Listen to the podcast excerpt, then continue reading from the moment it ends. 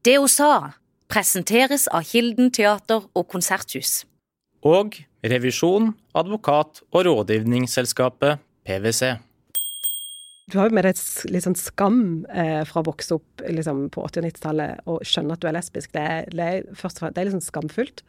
Eh, før man eh, liksom forelsker seg og får kjæreste, og det blir veldig, veldig fint da. Men i det så tenkte jeg egentlig ikke at jeg skulle komme tilbake til Kristiansand. Eh, men jeg traff eh, Nina, som er mm, samboeren min, og som også er fra Kristiansand, og flytta egentlig hjem veldig pga. henne. Og veldig, veldig glad for det. Og jeg blir veldig positivt overraska over, over Kristiansand.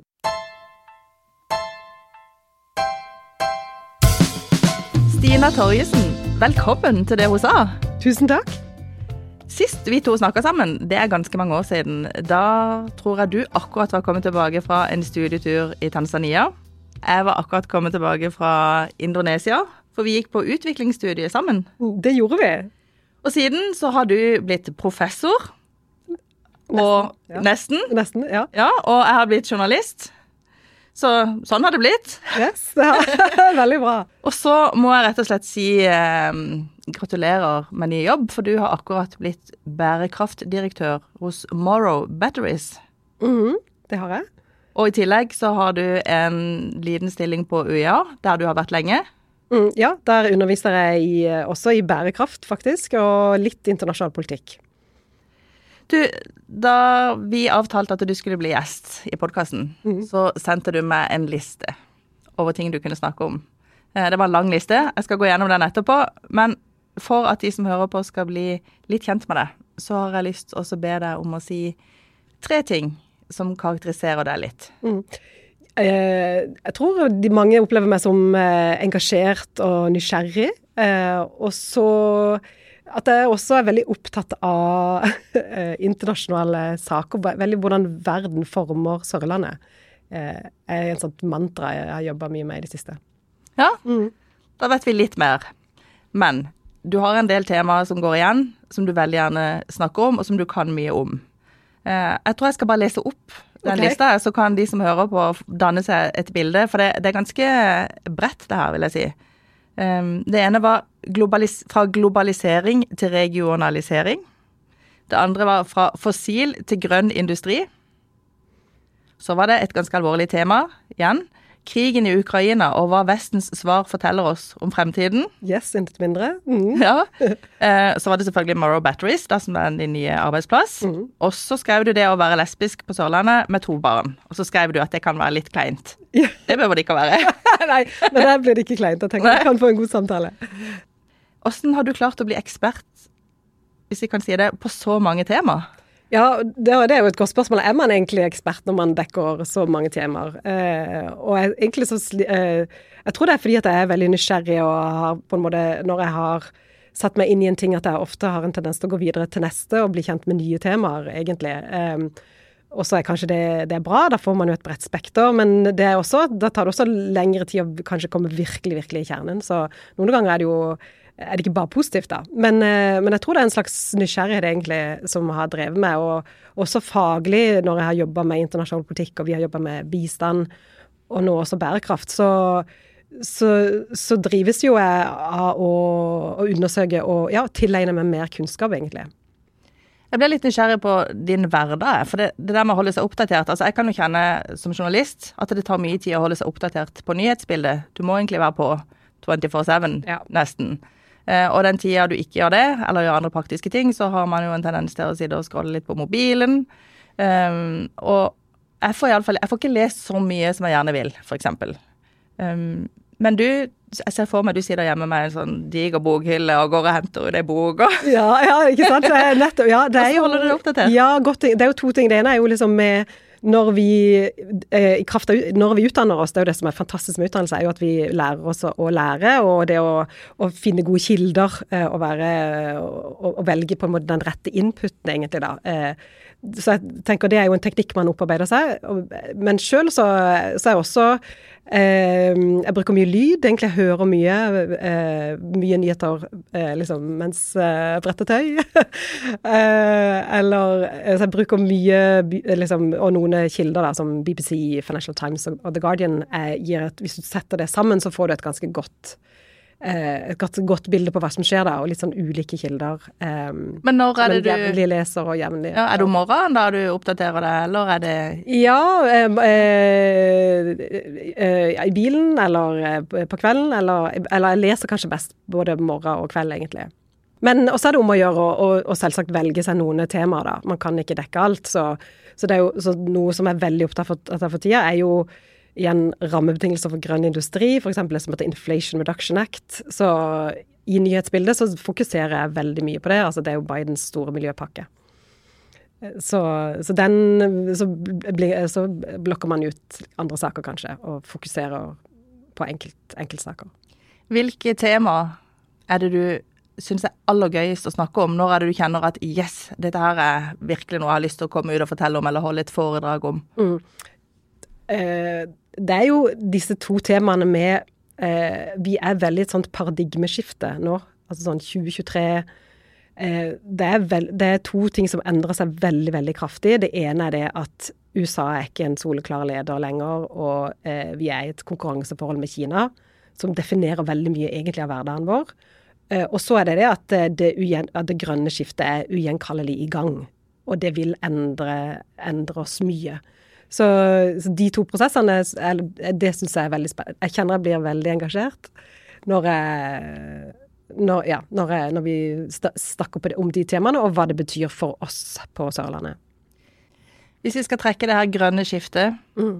inn i vår hverdag, inn i din hverdag og min hverdag og alle de som hører på, hva er det vi må gjøre? Hva må vi gjøre annerledes? Ja, eh, jeg må si jeg er ikke noen ekspert på hjemmebane. Blir ofte hånt for å ikke være bærekraftig nok, tror jeg. Eh, men eh, men jeg tenker vi kan jo alle gjøre små justeringer i hverdagen vår. Jeg tror det er mye med hvordan vi reiser, altså særlig altså hvordan vi bruker transport. Så transport og mat er jo de feltene vi kan kanskje ha mest gevinst av eh, gå vekk mindre rødt kjøtt og mindre fly og vann og fossil transport eh, vil jo gjøre en, en forskjell. også og hvordan, hvordan, vi er som, som forbrukere. Da. At vi etterspør, at vi belønner de som tar bærekraftige valg. da. Men du sa at du ikke noe mm. Ikke nødvendigvis skal vi si, Du lever ikke nødvendigvis et perfekt bærekraftig liv sjøl, men helt konkret, hvilke grep gjør du i hverdagen da, med, med to barn på mm. syv og ni år, var det det? Ja, det er det. Ja, hva, hva, gjør dere konkret i hverdagen for at dere skal leve litt grønnere? Ja, jeg, selv som jeg prøver å reise Jeg, jeg flyr fortsatt til Oslo av og til, men jeg prøver å, å, å redusere det. Det er jo en veldig Det er jo en sånn eh, vi er jo litt langt unna Oslo, men jeg reiser mye til Oslo, så jeg prøver å kutte det heller til eh, elbil eller tog eller buss. Dere hadde jo for øvrig en veldig fin kartlegging i FVN for ikke så lenge siden om eh, beste vei til Oslo. Så det er et grep, og vi, jeg tror vi tenker oss enda mer om når det gjelder også reiser i sånn fritidsreiser og sydentur og litt sånn, at vi er litt mer på Uh, ja, litt mer bevisste der. Um, skulle ønske å si at vi var mer bevisste på når det gjelder mat. Der er vi ikke helt uh, kommet så veldig langt ennå. Da spiser rødt kjøtt? Vi spiser rødt kjøtt fortsatt. Mm. Men uh, vi er mer bevisste enn vi var, vil jeg si. Mm. En del av gjestene vi har hatt her, de har snakka om at det er litt sånn skummelt noen ganger å skulle uttale seg. Mange er veldig nervøse før de kommer inn i podkasten her. Um, som journalist så blir man jo veldig glad når man kan ringe til noen når man trenger en ekspertuttalelse, da, som vi kaller det. Uh, du er ikke så redd for å svare hvis du får en telefon der du blir bedt om, å kommentere noe. Mm. Hva tenker du om det? Ja, um, vi ble jo, Jeg jobba tidligere på NUPI, Norsk utenrikspolitisk institutt, så vi ble jo drilla der i å snakke mer til eh, eh, med journalister. Og for meg var det en sånn her nøkkel når jeg oppdaga det å gå inn i en intervju eller inn i en intervjusamtale og, og, ha et par punkter som du selv vil kommunisere, litt uavhengig av spørsmål. Så når jeg oppfatter at man er ikke helt og holdent bundet av det spørsmålet som gis, og at det er lov å Altså, Før så hadde en forpliktelse til å direkte svare, og det ønsker man jo. Vi bør jo helst svare direkte på det journalisten sier. Men når jeg liksom oppdaga den teknikken med å ha tre budskap som du tar med deg inn, um, og som du kan komme tilbake igjen til, og du kan flette inn i et svar når du ikke helt har svaret, det, det ga meg en trygghet til å, ja, til å lettere si ja, egentlig. Og så er det jo bare erfaring at man gjør det jo, ofte, jo oftere man gjør det, jo lettere og tryggere kjennes det. Så det er jo oppfordringen er jo å si ja, eh, og at det er viktig at vi har balanse i det offentlige ordskiftet med kvinnelige og mannlige eksperter. Men hvor god må du være til temaet før du tenker at ja, dette kan jeg svare på eller uttale meg om? Mm.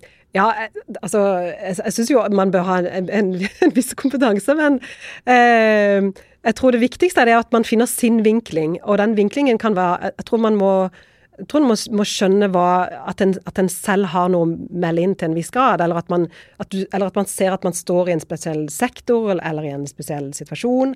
Eller har et spesielt fag eller faglig innsikt, og at man kan komme med det. Så jeg tror man må i hvert fall koble, koble sin egen relevans til temaet. Men du trenger ikke nødvendigvis å være megaekspert, men, men din relevans, eh, og at du ser den, det er jo grunn nok eh, ofte.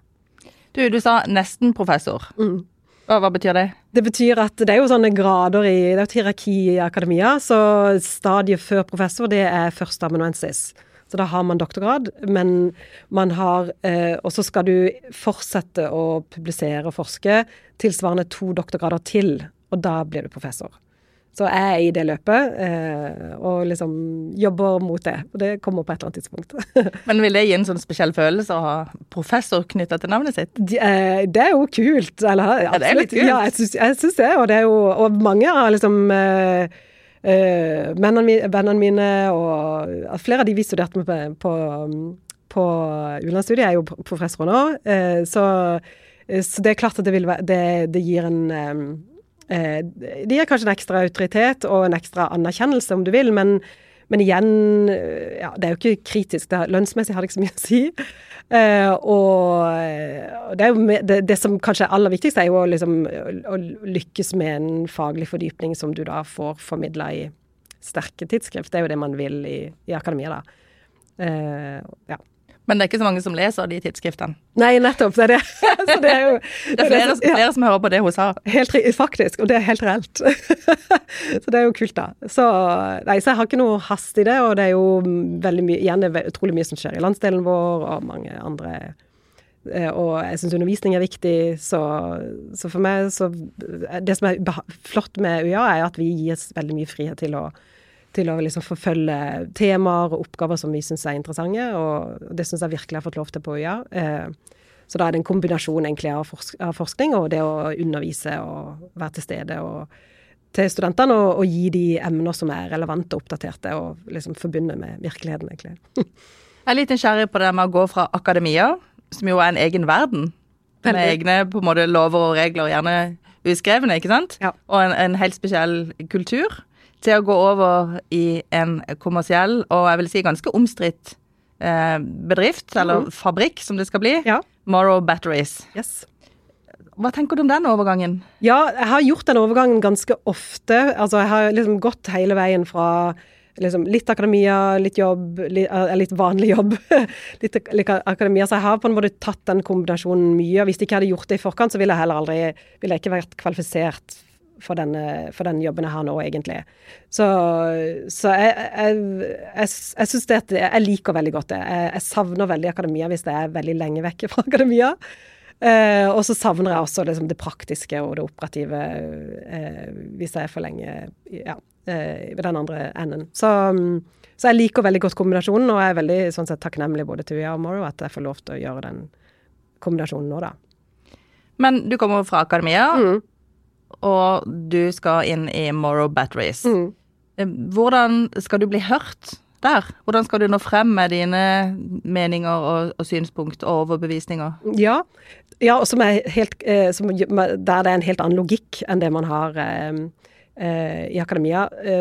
I Morrow så handler det veldig mye om å samarbeide godt. Så Morrow er jo en det er jo en veldig spennende bedrift. Den utvikler seg jo hele veien. Liksom det, hvert halvår er jo forskjellig med flere folk, og, og endrer karakter, egentlig, ettersom vi på en måte vokser og, og, og tar eh, nye eh, Utvider aktiviteten, egentlig.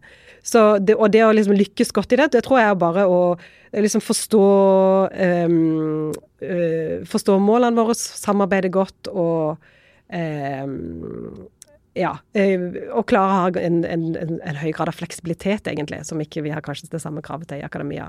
Sånn at man er øh, Ja. Og, og, er på på en måte på de sakene vi får, egentlig. Så Jeg vet ikke om det er egentlig noe godt svar. Um, så det å bli hørt, det er jo uh, Du må jo fortsatt ha liksom faglig Du må fortsatt trekke veksler på kunnskap. Det er kanskje bare det er en blanding av både erfaring og, og ren kunnskap da, som man må trekke med seg for å bli hørt um, i en næringslivssetting. Men la oss si, Stine, at du er veldig uenig i noe av det de nye arbeidsplass skal gjøre. Jeg er jo ikke i tvil om at det er noen diskusjoner der, internt også. Kan du bare gå og banke på døra til din sjef og si at vet du hva, dette kan vi ikke gjøre, det er ikke bærekraftig?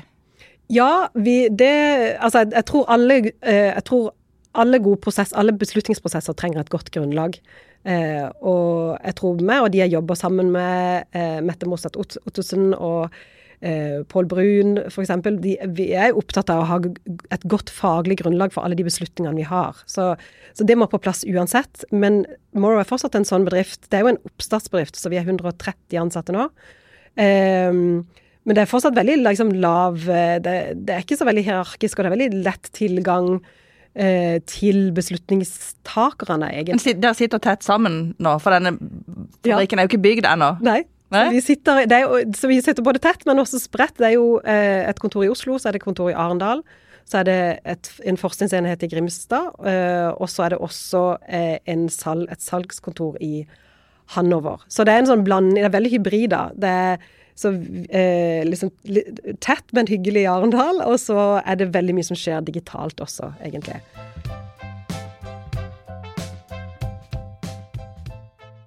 Det skal jo bli en av Europas største batterifabrikker. På, og på mange måter. For den blir også stor rent fysisk, ikke sant? Ja. Og det betyr jo at den beslaglegger jo en del areal. Altså konkret, den bygger jo ned natur. Ja. Hva tenker du om det? Ja, det er en kjempe Det er, en, uh, det er jo en stor, stor, utfordring. Og det er jo et sånt Vi står jo i et grunnleggende dilemma, egentlig. Det er dilemmaet med å løse klima, klimakrisa. Så våre batterier vil jo, også fordi vi lager et stort volum av batterier, vil jo en, hjelpe til med å gi en løsning på klimakrisa ved at vi, eh, får, vi får mindre klimagassutslipper, fordi man kan bruke Morrows batteri istedenfor en fossilbil. Eh, eller, ja, eller, vi lager eh, andre energisystemer. Så vi over, vi hjelper til med å få overgangen fra fossil til fornybar. Eh, så det er liksom det er jo en viktig løsning. Men vi er jo ehm, eh, helt, helt, korrekt, vi bruker et stort areal eh, i Arendal. Uh, og, der, uh, og det, er, det, er, en utfordring. Sånn som vi ser på det nå, så prøver vi å gjøre så mye vi kan ut av den tomta. Eh, og jobbe for at den, den tomta har eh, minst mulig effekt på, på, det lokale miljøet. Men helt konkret så er det jo grunneiere som må gi fra seg skog og mm. eiendom, og få dette veldig tett på. Tenker, ja. du, tenker du på de enkeltpersonene som blir ja. direkte ramma av det? Ja, det er det. Og det, ja, det, det, vi, gjør, vi tenker mye på det, og vi har også veldig dialog med Eh, med Arendal kommune. og det er, en, det er, jo en, stor prosess rundt altså Selve tomta til Morrow den er jo planert ut i forkant, og det var jo også en viktig grunn til at vi eh, til at Morrow valgte Arendal, var jo at tomta var allerede lagt, på en måte. Så det, den er jo det er allerede gjort, om du vil. Men så håper vi jo også at det skal komme flere batteri eh, Altså leverandørindustrien til batterien ideelt sett vil vi jo også skal komme til Arendal. Eh, og, og, også bruke fornybar kraft, sånn at du eh, ytterligere minsker eh, klimafotavtrykket til de, batteriene som lages. Um, og det blir mer liksom, kortreist, om du vil. Men for å få til det, så, man, så er det ytterligere tomter som nå eh, er i en sånn reguleringsprosess.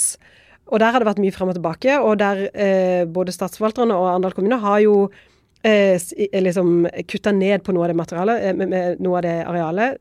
Myr, f.eks. Eh, de har eh, man har tatt ut noen, noen, områder, sånn at du bevarer et myrlandskap f.eks. Vi syns det er veldig positivt. Så, så, vi, så, så vi men så sånn sett så er det jo Mange av de sårbare områdene er jo nå liksom, beskytta, men det er fortsatt et problem at arealet i seg selv er så stort. Mm. Og vi kommer nok ikke helt unna det, det dilemmaet må vi på en måte bare stå i. Men vi kan gjøre mye. Du kan også tenke andre områder i Agder som kan tilbakeføres, som vi kan være en pådriver der. altså Som kan gjøres om igjen til natur. Det er liksom ett spor. Eh, og så er det det du kan gjøre som sagt på tomta. da, At du kan den, eh, du trenger, alle i, i, sånn, i neste fase på tomta trenger ikke alt å være bare en, en helt sånn plain industritomt. Du kan også prøve å det, legge til rette. Sånn at, eh, sånn at, du bevarer biomangfold til en viss grad. Mm. Men dette er veldig sånn tidlig fase i vårt arbeid, men, og det er veldig viktig. da. Så vi, vi, så vi anerkjenner det dilemmaet, og vi anerkjenner at vi er både en løsning og et problem her, og at vi må gjøre så godt vi kan. Men når du legger deg om kvelden og ligger og tenker litt på hva du er med på, når er det du Eller hva er det du liksom kjenner mest sånn ugrei følelse på at ja. ja hva, hva er det største dilemmaet rent sånn personlig og etisk? Altså den største utfordringen um, for, for, for, batterisektoren, og også for meg som har, når jeg har rollen som eh, bærekraftsdirektør, det er jo også å ivareta at den verdikjeden som ligger bak på en måte batteriproduksjonen i Norge, at den er grønn, og eh, ikke minst at vi ivaretar arbeidstakers rettigheter gjennom hele verdikjeden. da. Det kjenner du litt på at ikke nødvendigvis alltid det, ja, den, er sånn? Ja, der må vi Så, så det, det, er mulig, men du må ha supergode rutiner og systemer for å klare å sjekke leverandørene dine. Så få nok informasjon om de. Eh, Sånn at du kan, velge, altså du kan velge vekk leverandører som ikke leverer. Og det har de gjort, for det har jo fått noe kritikk for dette? Ja, eller eh, hele batteribransjen har jo eh, eh kritiseres for dette. F.eks. bruk av kobolt som kommer fra Kongo, der man har hatt eh, der man har hatt eh, Kobolt har både vært en driver for konflikt, eh, og man har hatt Og det er gruver der som og Barnearbeid og Barnearbeid, hele pakka. Veldig. Ja. Mm. Og i så, tillegg så flytter man jo mm. råstoffer over store ja, avstander. Ja, i tillegg. absolutt. Så så, så, dette er, en, det er et veldig stor eh, sak. Altså Morrow selv vi, Foreløpig så kjøper vi jo inn veldig små volumer til testbatteriene våre. Så vi har jo ikke begynt, vi, jo ikke, vi har ikke begynt med en stor verdikjede ennå, men vi planlegger for en. Mm. Uh, og i det så må vi ha supergode rutiner. Det er jo ikke alle ja. som hører på her som er eksperter ja. på batterier og, mm. og batterifabrikk, men ja. de store spørsmålene mm. um, har jo vært bl.a. hvordan man får nok kapital eller nok penger til å bygge dette. Mm. Så det store spørsmålet igjen da er jo egentlig hva hvis man ikke får nok penger og ikke får bygd denne mm. fabrikken, eller disse fabrikkene? Ja. Uh, ja, vi, vi, Der som vi står nå, så det blir en batterifabrikk. Den er jo uh, Altså så nå denne våren her så åpner vi jo både selve forskningssenteret på universitetet i, i, Grimstad, som ligger ved siden av Universitetet i Agder. Og så, as we speak, så bygger man jo reisverket til den første fabrikken nå. Langs E18 i Arendal. Så du ser faktisk bygget ta form, egentlig. Uh, og I tillegg så har vi jo da en, det som heter en Customer Qualification Line i uh, Sør-Korea. Så vi har allerede en Kan du si det på norsk? Ja, så du, du, vi har en, en liten sånn uh, fabrikklinje allerede nå i Sør-Korea som faktisk produserer de første vareprøvene våre, som du vil. Så den er liksom oppe og, oppe og går, og det er mange som reiser liksom fra Arendal til Sør-Korea liksom, en god del for å liksom være med på eh, eh eller, Det er ikke så miljøvennlig. Nei, nettopp. Det var det jeg hørte det når jeg sa det. Det var, det var ikke så bra. Men eh, Så, så vi lager de, vi lager de eh, vareprøvene. Og så skal vi Den skal jo skipes hjem til Arendal, den linja der, og så bygger man en til. Og det er jo, det er jo finansiert, og det, det skjer egentlig. Og så er spørsmålet fremover hvor stor skal fabrikken være? Og der er det fortsatt behov for å hente inn mer kapital Eh, og det vil være avhengig av hvilke dialog og resultater vi har i, i dialog med kundene, egentlig, da. Jeg leste ja. et sted at det var snakk om, eller at man håper mm. å få ansatt så mange som 4500.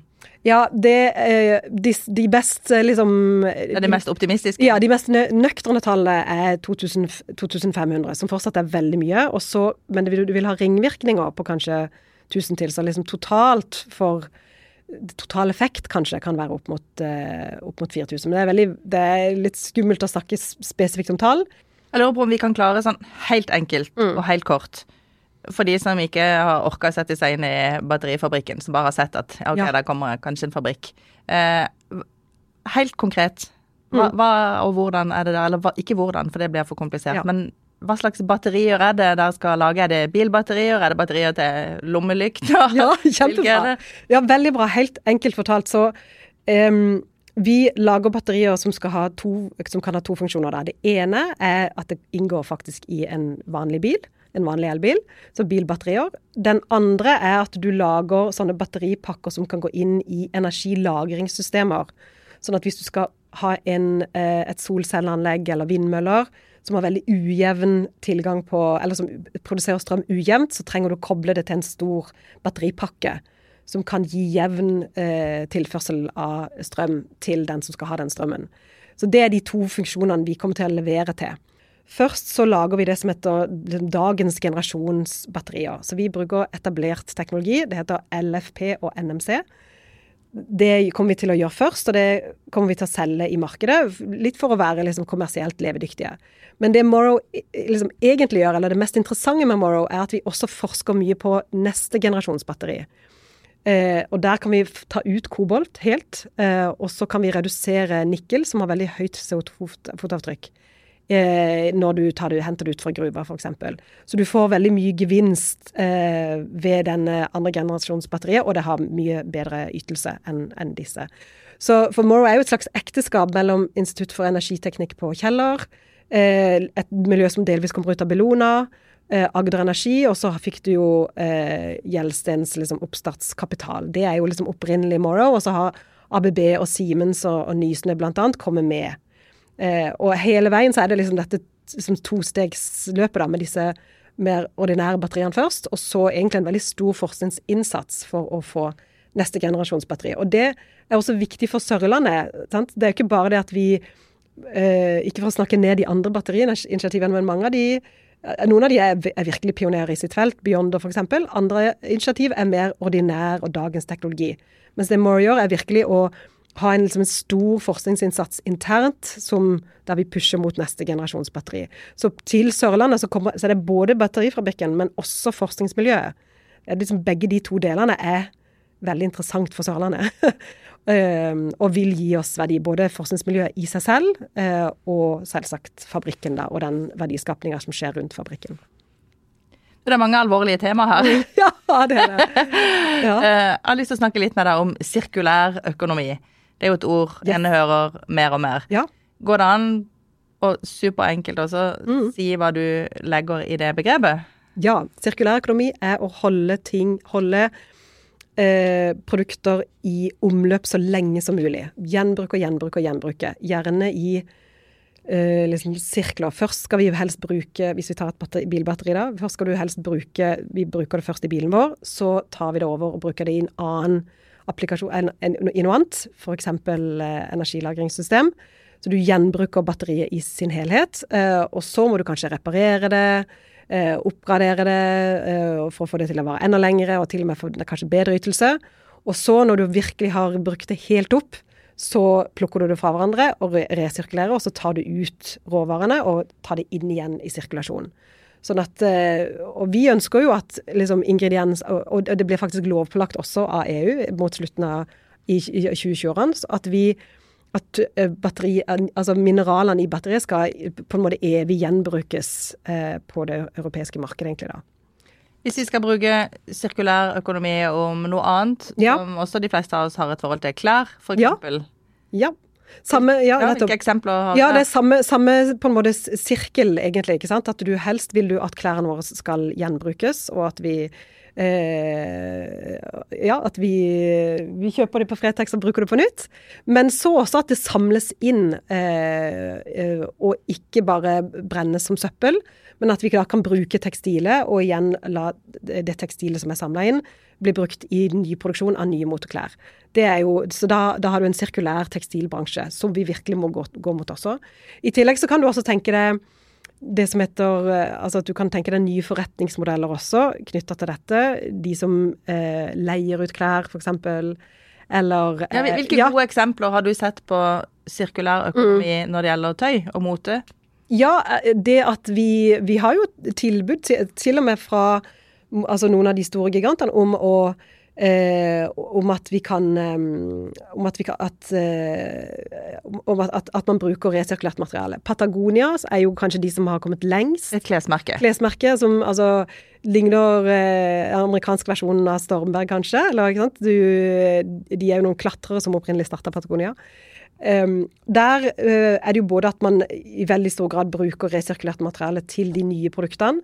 Eh, og så ønsker man igjen eh, De legger veldig til rette for at man skal kunne reparere Når du først har kjøpt en jakke, så skal den kunne repareres veldig lenge og vare veldig lenge. Og så til slutt samles inn og bli brukt på nytt. Da, det, er, det er god sirkulær økonomi. Du, er du eh, opptatt av det med sirkulær økonomi, da, eller gjenbruk, i din hverdag? Eh, Ja, ja, jeg burde være det mer. Jeg har ikke, jeg har ikke så mye Fretex-tøy, f.eks. Vi hadde en Ja. gjest her i podkasten Ja. som driver det som heter Skapet. Ja, Der du har et abonnement. Altså du abonnerer på, på tøy og kan gå og bytte inn. Så jeg har ikke brukt det ennå. Har du? Nei, men jeg har tenkt jeg skulle ta meg en tur, og jeg er veldig nysgjerrig på det. Og jeg syns det hadde vært gøy hvis det kom flere av den type Mm. tilbud. Ja.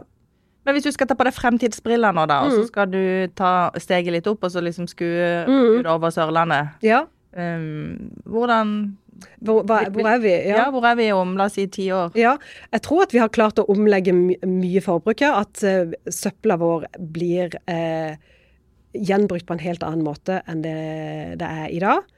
Uh, Det er liksom det ene. Så tror jeg vi Jeg håper og tror at vi også egentlig har klart å bli, ha større kollektivtrafikk, faktisk. Eh, Det, er- det er fortsatt miljømessig så er det er bra med privat Eller det er jo bra at vi har elbiler som, og privatbilisme der du bruker elbiler, men det å bli mer kollektive har også eh, liksom ytterligere miljøgevinst i forhold til eh, i forhold til eh, dekk og bare mineral og det, det å ha tilgang til tilstrekkelige ressurser også for hele, for hele bilbransjen. Det at vi blir mer kollektiv kan være, kan være nyttig. Det tror jeg vil være en sånn eh, grunnleggende endring. Og så tror jeg vi har eh, Jeg tror også industrien på Sørlandet har er blitt mer grønn og har klart å håndtere også sine egne utslipp. Vil vi se Ja. flere endringer i vårt eget hjem? Eh, ja, jeg tror, vi, altså jeg tror på energi at jeg tror vi vil absolutt bruke, ha mye mer solceller. Jeg tror det blir mer, mer solcellebruk. Også hver eh, Mm. enkelthus Ja, sånn? Ja. God, veldig godt spørsmål. Jeg tror det er jo en kjempeviktig endring som skjer. At vi, vi blir alle miniprodusenter av energi. Eh, I hvert fall eh, næringslivet, men potensielt også oss selv. Eh, og at det blir veldig vanlig å bygge hus med, med solceller, helt klart. Og at vi da får fleksibel det kan også skje innen bil. da? Det er et som heter vehicle to grid, heter det. At man, du også bruker bilbatteriet ditt som, som en slags lade altså Som en energilagringsenhet som, kan, som du kan selge strøm inn igjen til til, eh, til, til, nettet, da, om du vil. Så jeg tror at det blir veldig fleksibelt med hvem som forbruker og produserer strøm. Eh, Det tror jeg absolutt vi er på vei inn i. Du, Er det sånn at du nå blir glad når du snakker om batterier? Ja, det gjør jeg faktisk. Jeg syns genuint at det er superspennende, faktisk.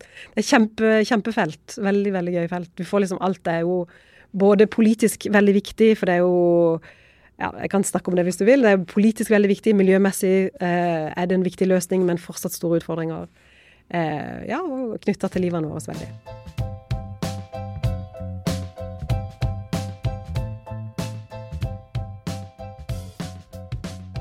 Du, Nå har du snakka mye fag, og det syns du er gøy og lett, Ja. merker jeg.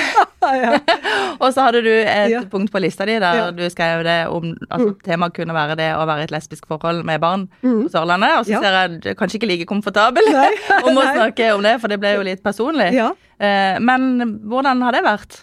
Det har vært overraskende bra, egentlig. Sant? Jeg er jo oppvokst på Sørlandet på sant, eh, videregående på 90-tallet, russ 94. Eh, og eh, at, eh, hadde jo, og tenkte jo kanskje da på Kristiansand som en ganske konservativ by.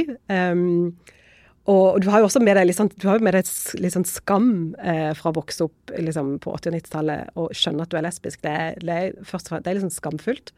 Eh, før man eh, liksom forelsker seg og får kjæreste, og det blir veldig, veldig fint da. Men i det så tenkte jeg egentlig ikke at jeg skulle komme tilbake til Kristiansand. Eh, men jeg traff eh, Nina, som er mm, samboeren min, og som også er fra Kristiansand, og flytta egentlig hjem veldig pga. henne. Og veldig, veldig glad for det. Og jeg blir veldig positivt overraska over, over Kristiansand, egentlig. Og øh, ja, syns at vi lever et egentlig et veldig godt liv.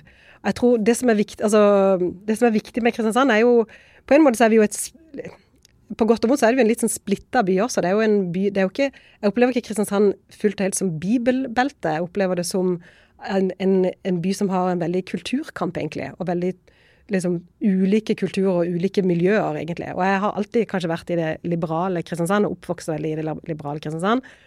Og hatt veldig liberale, og støttende og fine venner. Eh, så, så, og, og, tilhører også det liberale miljøet i Kristiansand, der jeg lever et veldig, veldig godt liv. Eh, men så møtet med hele Kristiansand har vært overraskende bra. Og jeg tenker også at kanskje de miljøene man har tenkt på som konservative, har jeg i utgangspunktet eh, opplevd som, som støttende. At eh, ledere fra, fra f.eks. veldig Som har hatt liksom klare eh, konservative bånd som, som, jeg har fått eh, utvikla meg og, og, hatt det liksom bra under. Eh, så det har gått bra. Så, så, så vi Ja, det, det, er et godt liv, og barna våre behandles veldig fint. og så, så, det går bra. Jeg tror ofte heller at man egentlig handler mer om seg selv. At man egentlig av og til Jeg kjenner på den at av og til så er jeg bare flau. Egentlig jeg er flau over meg selv. fra, og det kommer liksom bare fra oppveksten og det å liksom vokse opp som homo, egentlig. Men er det er det, det mm. med skam som kommer frem? Ja, det tror jeg. Men jeg tror det er, på, er det påført Det er, det er meg sjøl.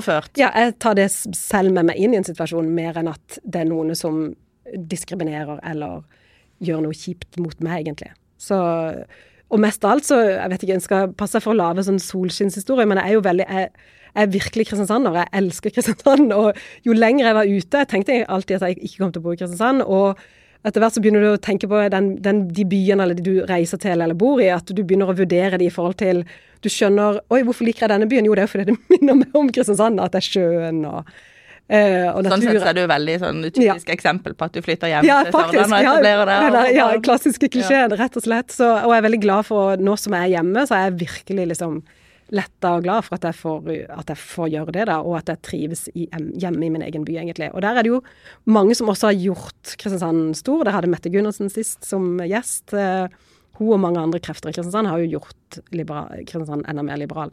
Mm. Men du har jo sånn sett en, en god og en, si, en, en, trygg og en, Du kalte det sjøl en, en solskinnshistorie. Mm. Så vet vi jo at det er veldig mange som ikke har det sånn. Og det betyr jo Eller det kan jo både skyldes at de ikke har den der støttende gjengen eh, rundt seg, eller det kan bety at de har enda mer sjølpålagt skam. Det kan være mange grunner til det. Ja.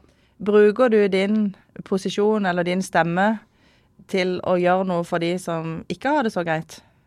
Ja. Um, ikke, ikke, ikke, nok, kanskje. Altså um, Jeg prøver å markere meg der det er naturlig. Sånn som på UiA så har vi hatt noen av mangfoldsmarkeringene så har uh, Sammen med en annen kollega så har vi gjort det liksom en hilsen og liksom markere at man selv liksom markerer sin egen status da, som foreleser ved UiA, at det er offentlig, og at man gjennom hvordan man lever da, markerer men jeg, er ikke, jeg, ikke, jeg bidrar ikke liksom, liksom til homopolitikken eh, i noen stor grad. Um, jeg går i Pride-toget og er veldig stolt av det og glad for det og, uh, når jeg går. Men uh, ja, jeg, jeg, gjør ikke så mye selv utover det å, å, leve det livet jeg gjør, på et vis. da. Jeg bytter tema igjen. Mange av de temaene vi har snakka om, mm. selv om du snakker konstruktivt og godt om det, så er det jo litt sånn dystre temaer. ikke mm. sant? Vi er jo på et sted i verden nå hvor det ja er mange ting å bekymre seg for. Men jeg har lyst til å utfordre deg på det konstruktive. Altså, kan du, kan du si noe ved utviklinga både klimamessig og når det gjelder krig og fred, ja. og sånn, ja. som gir oss grunn til håp og fremtidsoptimisme? Ja, den, øh, det er jo klisjeer, men det er jo den måten Europa svarte på Russlands aggresjon i Ukraina, er jo et veldig, gir jo veldig rom for håp, mener jeg at man har mye tydeligere ledelse fra, eh, fra Europas side, på, der man samler seg om verdier. Verdien av demokrati, egentlig. Og det at man eh, demokrati, Demokratiet kommer av seg selv, det må kjempes for. Det må kjempes for internt. I Kristiansandspolitikken må vi kjempe for det. Vi må kjempe for det nasjonalt, og ikke minst også i en europeisk setting. Og at det er det også krigen i Ukraina handler om.